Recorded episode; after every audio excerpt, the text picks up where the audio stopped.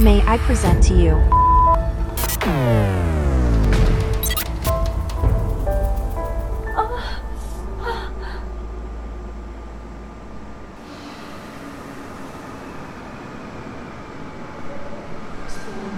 Spoorverandering. De IC-trein naar Brussels Airport Zaventem en Gent Sint-Pieters van 17 uur 8 zal vertrekken van spoor 5 in plaats van spoor 1. Deze trein heeft ongeveer 6 minuten vertraging.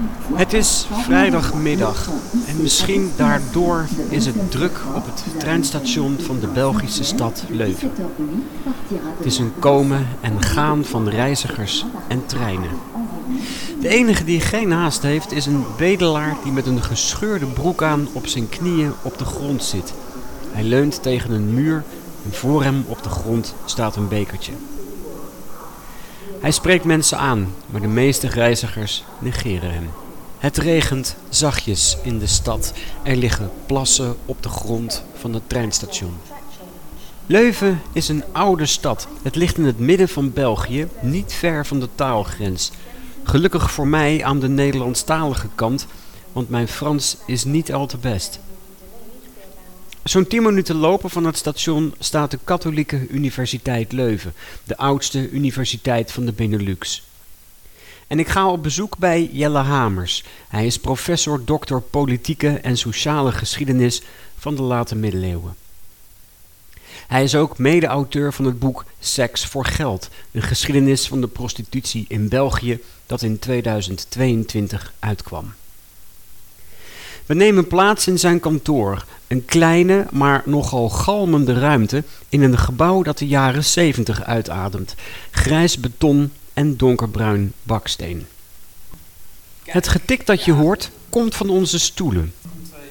En mijn eerste vraag aan de professor is: de middeleeuwen, dat is de periode 500 tot 1500 na Christus. Waarom heette die eigenlijk de middeleeuwen? En hoe zag die periode eruit? Ja, ja, ja. Op zich is het niet logisch. Hè? Ik bedoel, uh, die, die uh, concept middeleeuwen komt eigenlijk van de periode nadien. Hè? De 16e, 17e eeuw zijn mensen, wetenschappers, humanisten, die zich beroepen op de oudheid en die vinden dat de klassieke oudheid de referentieperiode is. Dan hebben zij de periode tussen hen en die oudheid, de middeleeuwen genoemd, de eeuwen in het midden, tussen hen en, en de Romeinen eigenlijk. En dus vandaar dat zij dat als een incoherente periode, donkere periode zagen. En we gaan het vandaag vooral hebben over de periode uh, 1200-1500. Wat is er in die eerste periode gebeurd, van 500 tot 1200? Maar dat is dus heel moeilijk te zeggen. Het probleem is dat we daar heel weinig geschreven materiaal hebben, maar eigenlijk ook archeologie en iconografie enzovoort. Heel beperkt, vandaar dat die periode dus als donker wordt gezien. Dat verandert vanaf 1200, wanneer er duidelijke verstedelijking komt. De economie trekt aan, uh, er komen grotere gemeenschappen die via het schrift moeten bestuurd worden. En dus gaan die gemeenschappen, van steden dus, bronnen nalaten, geschreven teksten die ons een unieke inkijk eigenlijk geven in, in die periode, die we, een inkijk die we voordien niet hadden. Dus vandaar dat we daar eigenlijk veel meer over weten dan over de vroegere periodes. En dat geldt dus ook voor de prostitutie? Juist, hè, zeker en vast. Hè.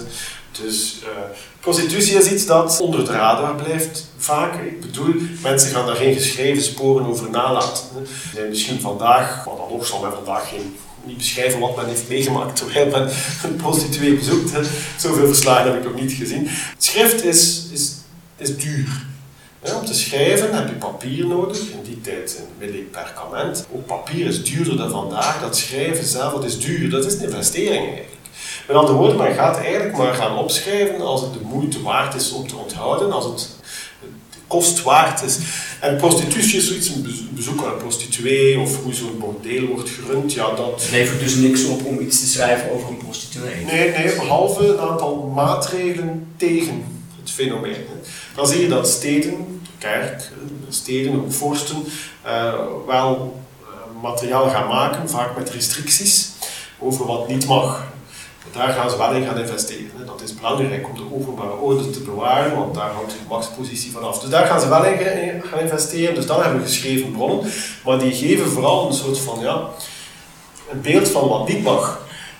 als men zegt dat iets niet mag, betekent dat dat de realiteit helemaal anders was, waarschijnlijk. En dus moet je gaan redeneren, een beetje een, of die bronnen dus kritisch gaan benaderen. En ik denk dat, zeker wat het fenomeen prostitutie betreft, men heeft prostituees vaak in de marge van de samenleving geduwd. Dus in de marginale, de samenleving in de middeleeuwen. Want kijk, steden gaan hen gaan bestraffen, de kerk gaat repressieve maatregelen gaan nemen. Ja, maar dat betekent niet dat die prostituees criminelen zijn. Hè. Uh, het betekent alleen dat men probeert hun bewegingsvrijheid te beperken. Maar kennelijk was er wel een bewegingsvrijheid, want anders had men die niet proberen te beperken. Zie je? Dus het is op die manier dat je het fenomeen moet gaan, gaan bestuderen hè, als historicus. Maar dat is dan wel ambivalent, want aan de ene kant zeg je dus eigenlijk het mag niet, we moeten het gaan reguleren, er komen regeltjes, maar het mag eigenlijk wel.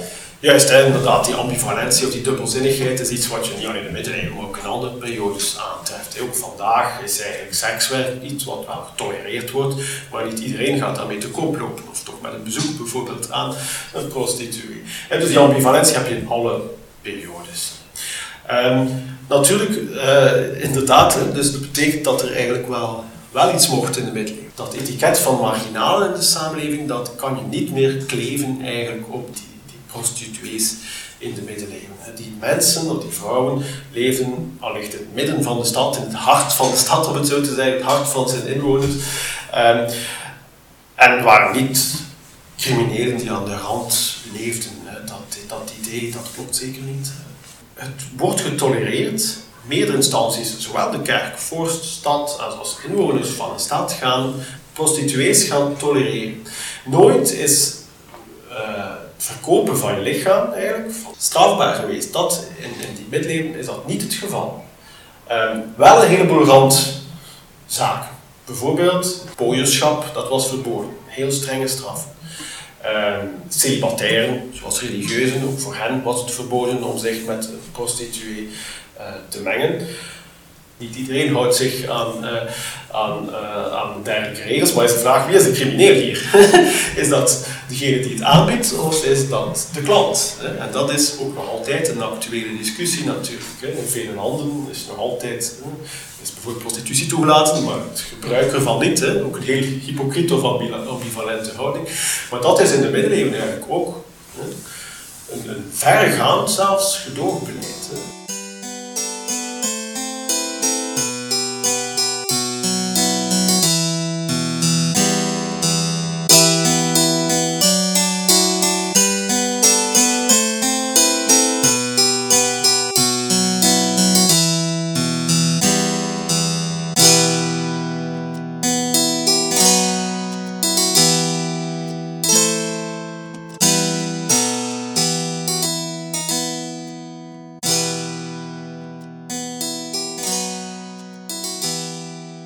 Middeleeuwen wordt vaak als een soort van katholieke samenleving gezien, waar de kerk een zware of sterke greep had op de samenleving.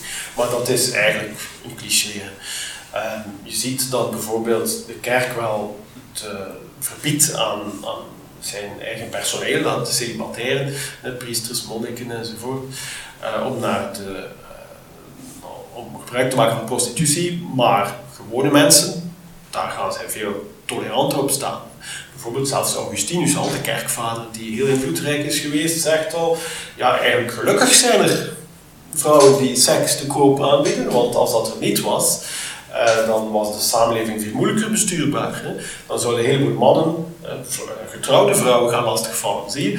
Dus als zelf kerkvaders, en ook Thomas van Aquino is relatief tolerant, zo'n dingen zeggen, toont dat aan dat die greep van die kerk wel, misschien in theorie, groot kon zijn, maar in de praktijk eigenlijk klein was. We zien pas in de 16e eeuw eigenlijk, dus na de middeleeuwen met uh, hervormingen, uh, uh, dat de kerk veel strikter zal, zal gaan worden. Een ander cliché ook is dat vrouwen geen rechten zouden gehad hebben, of dat vrouwen in het algemeen in de middeleeuwen huismoeders waren, aan de haard gekluisterd om voor de kinderen te zorgen, vooral moeders waren, maar ook dat klopt niet.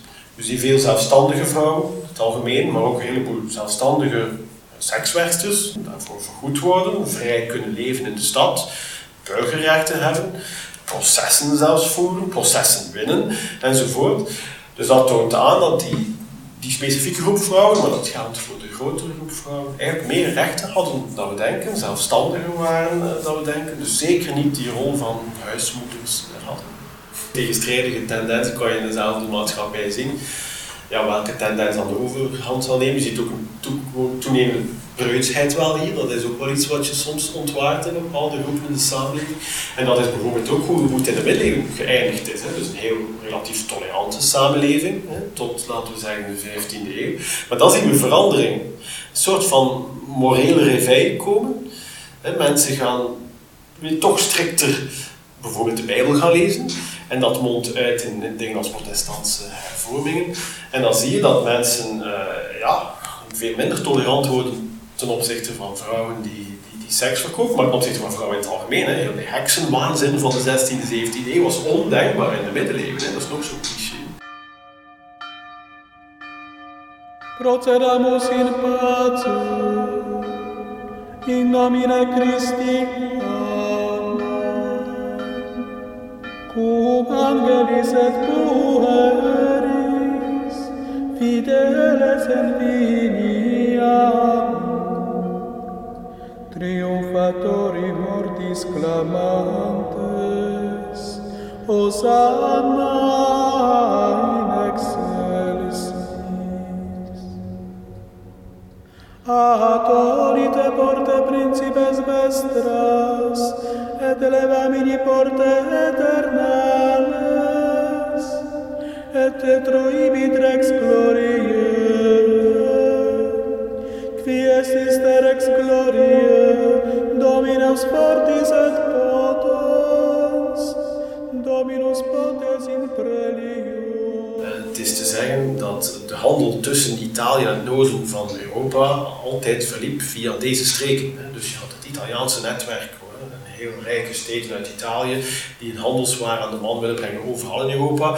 Zij gaan noordwaarts en komen eigenlijk hier terecht in contact met Hanzesteden enzovoort, hè, de Baltische staten, eh, hun waar te verkopen. Dat betekent hier een samenleving waar heel veel handelaars zijn, heel veel migratie ook. Um, grote steden die eigenlijk allerlei culturen, allerlei mensen ontvangen. En dus wereldsteden zijn.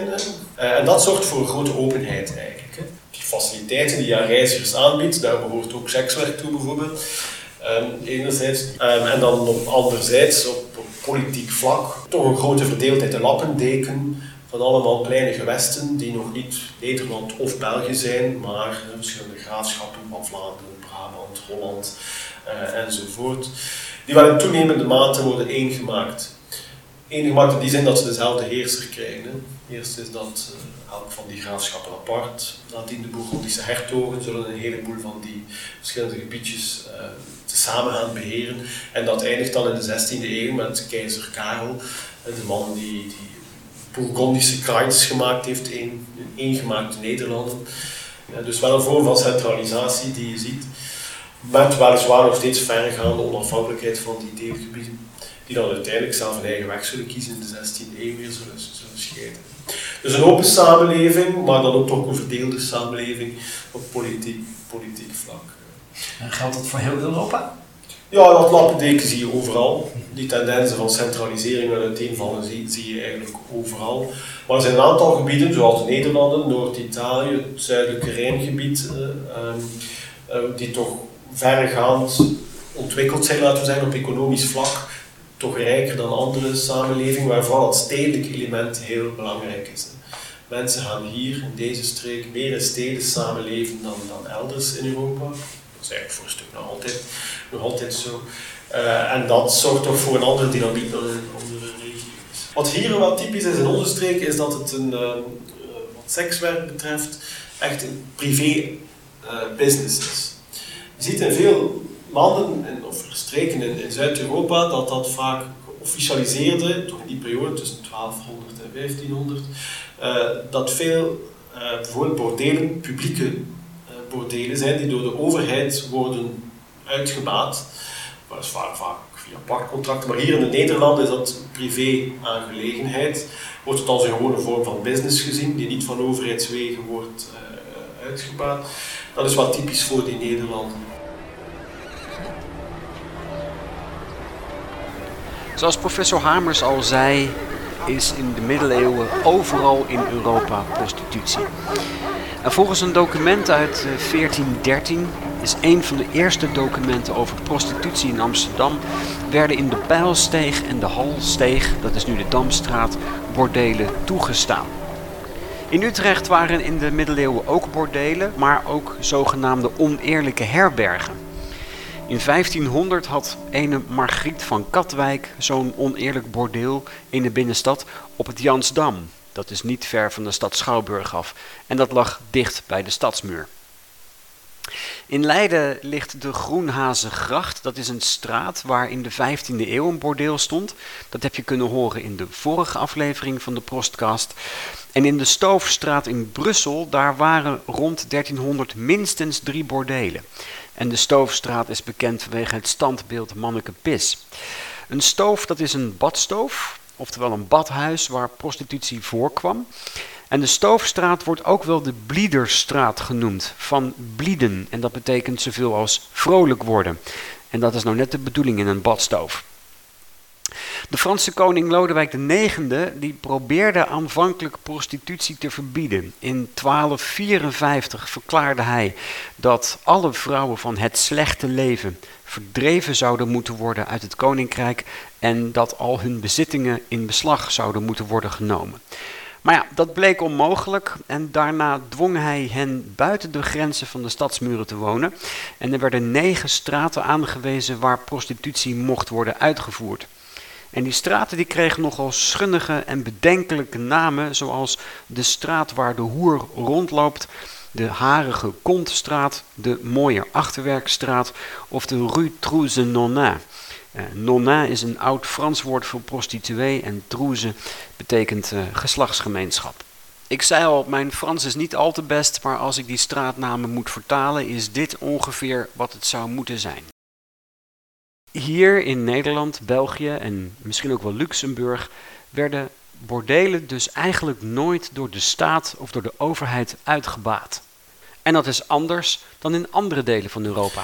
Uh, dus dat is zeker, ja, bijvoorbeeld in Firenze, om een voorbeeld te, te, te geven, uh, als Toulouse, Barcelona enzovoort, een, een gebruikt vaak Latijns naam, prostipulum publicum, een publiek prostitutie, prostitutiehuis, dat door um, de stad wordt uh, uitgebaat, maar dat heb je hier niet. Steden gaan het wel hier gaan gedogen en tolereren, maar gaan niet zelf de, de, de huizen gaan inrichten. Dat is dus hier, hier anders. Ze gaan wel regelgeving gaan uitvaardigen over wat mag en niet mag in zo'n huis, maar dan um, gaan ze niet zelf gaan uitbaten. Behalve in Luik. Luik is één stad, en ik weet nog niet, niet goed waarom eigenlijk, hè, maar dus de prins-bisschop, Luik was een prinsbisdom, dat betekent dat de bisschop daar wereldlijke macht had, een beetje zoals Utrecht dat, dat ook had. En, ehm, en daar zal de, de, de bisschop een huis, de matroniaar, in het Frans spreekt men daar, eh, gaan uitbaten, een huis waarvan hij zelf een 100 gram goud als uh, pachtsom zal krijgen. Uh, dus ja, je ziet, die man profiteert persoonlijk, laten we zeggen, ook van, uh, van de inkomsten van, van dat huis. Dus daar heb je dat bijvoorbeeld wel, maar dat is een van de weinige voorbeelden in de Nederlanden. Bijvoorbeeld in Amsterdam, maar ook in Brugge, worden sekswerksters fiscaal beboet omdat ze een huis uitbaten. Maar ja, je ziet, die boetes worden jaar na jaar gegeven en geïnd. Hè. Vaak omdat ze in een buurt zitten waar het niet mag. Hè. Maar het is een soort van zonering was. Maar ja, als je iets jaarlijks laat betalen, dan is dat eigenlijk een vorm van belasting. Vaak is dat dan ook de motivatie van, van de overheden om een gedoogbeleid te hebben, waar ze expliciet zeggen, ja, dat zijn faciliteiten voor reizigers. Waren er ook mannelijke prostituees? Dat is een goede vraag. Dat is een hele goede vraag. Uh, waarschijnlijk. Hè. Uh, maar dat is echt een taboe. Als het nu echt eens een taboe is, is het dat, want je vindt je niet terug. Tenzij je een aantal mannen die voor homofilie worden bestraft, want dat was nu iets wat wel strafbaar was. Uh, dus, dus je hebt bijvoorbeeld, om een voorbeeld te geven, ik zeg maar iets, hè, in de 15e eeuw Mechelen worden een heleboel mannen omwille van homofilie gestraft, verbannen als daar iemand tussen zit die, die voor, voor geld uh, andere mannen plezierd heeft, ja, dan heb je duidelijk een geval. Maar dat is het probleem dat die bronnen dat echt totaal niet gaan zeggen. Hè. Dus uh, je hebt wel verhalen daarover. Zie? Dus er, er is een verhaal bijvoorbeeld van, in Brussel zitten we dan, midden 14e eeuw, maar het verhaal is eigenlijk heel populair, er is daar een Franstalige versie van, ehm, over een vrouw die ehm, betrapt wordt door haar echtgenoot met een uh, man een, in haar bed tussen, en die man die expliciet zegt dat hij dit voor geld doet, zie je? Dus er zijn verhalen over Engeland in de 14e eeuw waar een man in vrouwenkleren wordt betrapt. Uh, en ook effectief gestraft nadien. Uh, waarin je ook gaan afvragen, ja, waarom doet iemand zoiets? Dat kan natuurlijk ja, iemand zijn die, die een, ander, een ander gender wil aannemen. Maar ja, uh, hij wordt dan specifiek in dit geval dus, John Rykener heette de man in, de middeleeuwen, ehm, ook bestraft omdat hij seks gehad heeft met, met andere mannen als vrouwen. Uh, heeft hij dat voor geld gedaan? Of voor andere vergoedingen? Want we zitten natuurlijk in een samenleving waar niet alles met geld vergoed wordt, maar soms ook met diensten. Het is een open vraag. Als je aan prostitutie denkt, dan denk je misschien aan rood licht. Maar er zijn veel meer symbolen die met prostitutie te maken hebben. Op schilderijen uit de middeleeuwen kom je ze heel veel tegen. De haan, het konijn, de pauw, de zwaan of de roos. En de Roos was de naam van een bekend bordeel in Leuven. Het lag in het noorden van de stad, in de havenbuurt. En daar stonden ook heel veel mannenkloosters. Um, en dan zie je dat die heel klassiek ingericht zijn. Vaak een plaats waar mensen konden eten en drinken. En dan nadien op de bovenverdiepingen kleinere kamers. Um, soms wel redelijk ruim. Sommige steden hebben inventarissen teruggevonden van hoe die gebouwen er allemaal uitzagen. Zowel de kamerindeling als wat in die kamers zit soms zelf beschreven wat in de kasten van die, van die kamers zit. Dus we kunnen eigenlijk wel een heel kleurrijk beeld uh, ophangen van die. Als we heel concreet even op bezoek gaan, laten we zeggen in De Roos uh, uit, uit, Leuven bij de bordeelhoudster uh, Ide Veermans was haar naam, die in de jaren 1460 haar zaak doorverhuurde, kunnen we zien dat er verschillende kamertjes zijn boven. Kamertjes die zelf een naam krijgen. Elke kamer had zijn eigen naam. Eh, vaak na met een seksuele toespeling. Dus verschillende kamers waarin dan heel vaak, of altijd zelfs, meerdere bedden staan. Dus seks vandaag is heel privé gebeuren, of tussen twee mensen. Uh, toen vaak ja, meerdere groepen of meerdere koppels, laten we zeggen, in één kamer. Weliswaar wat privacy, we zien in die inventarissen ook uh, of schermen uh, vermeld, of, of, gordijnen. Dus men deed de gordijntjes misschien wat toe, dus was tobbes. En dan ja, wat kasten, wat tafels enzovoort. We hebben bijvoorbeeld ook een inventaris van andere bordelen in Leuven teruggevonden waarin een zeer luxueuze kamer was. Die wordt zelfs de hertogenkamer genoemd, waar klant zich als hertog kon gedragen. Hè als prins, hè, waar de vrouwen aan zijn voeten en elders liggen. Uh, uh, dus waar een luxe fauteuil bijvoorbeeld staat, hè, waar een heel rijk interieur. Maar daarnaast had je ook sobere kamers. Hè, zie je, een beetje afhankelijk van wat de klant wou zeker, of, of wat hij zich kon permitteren. Dus je hebt uh, een grote variatie. Straatprostitutie, vaak de armere, goedkopere prostitutie, die aan de wallen, de stadsomwalling vaak, uh, vrouwen die daar diensten aanbieden. En daarnaast de meer welgestelde prostituee die in die bordelen, in zo'n luxe kamer, haar diensten aanbiedt. Dus dat zijn ja, verschillende vormen uh, van, van, prostitutie. En wonen, stel dat we het hebben over zo'n zo'n bordeelhuis, wonen ze daar dan ook? Dat is een moeilijke, dat is heel moeilijk. Omdat we, we weten dat wel voor de die, die publieke huizen die in Zuid-Europa bestaan, zie je dat het dikwijls inwonende vrouwen zijn die diensten aanbieden.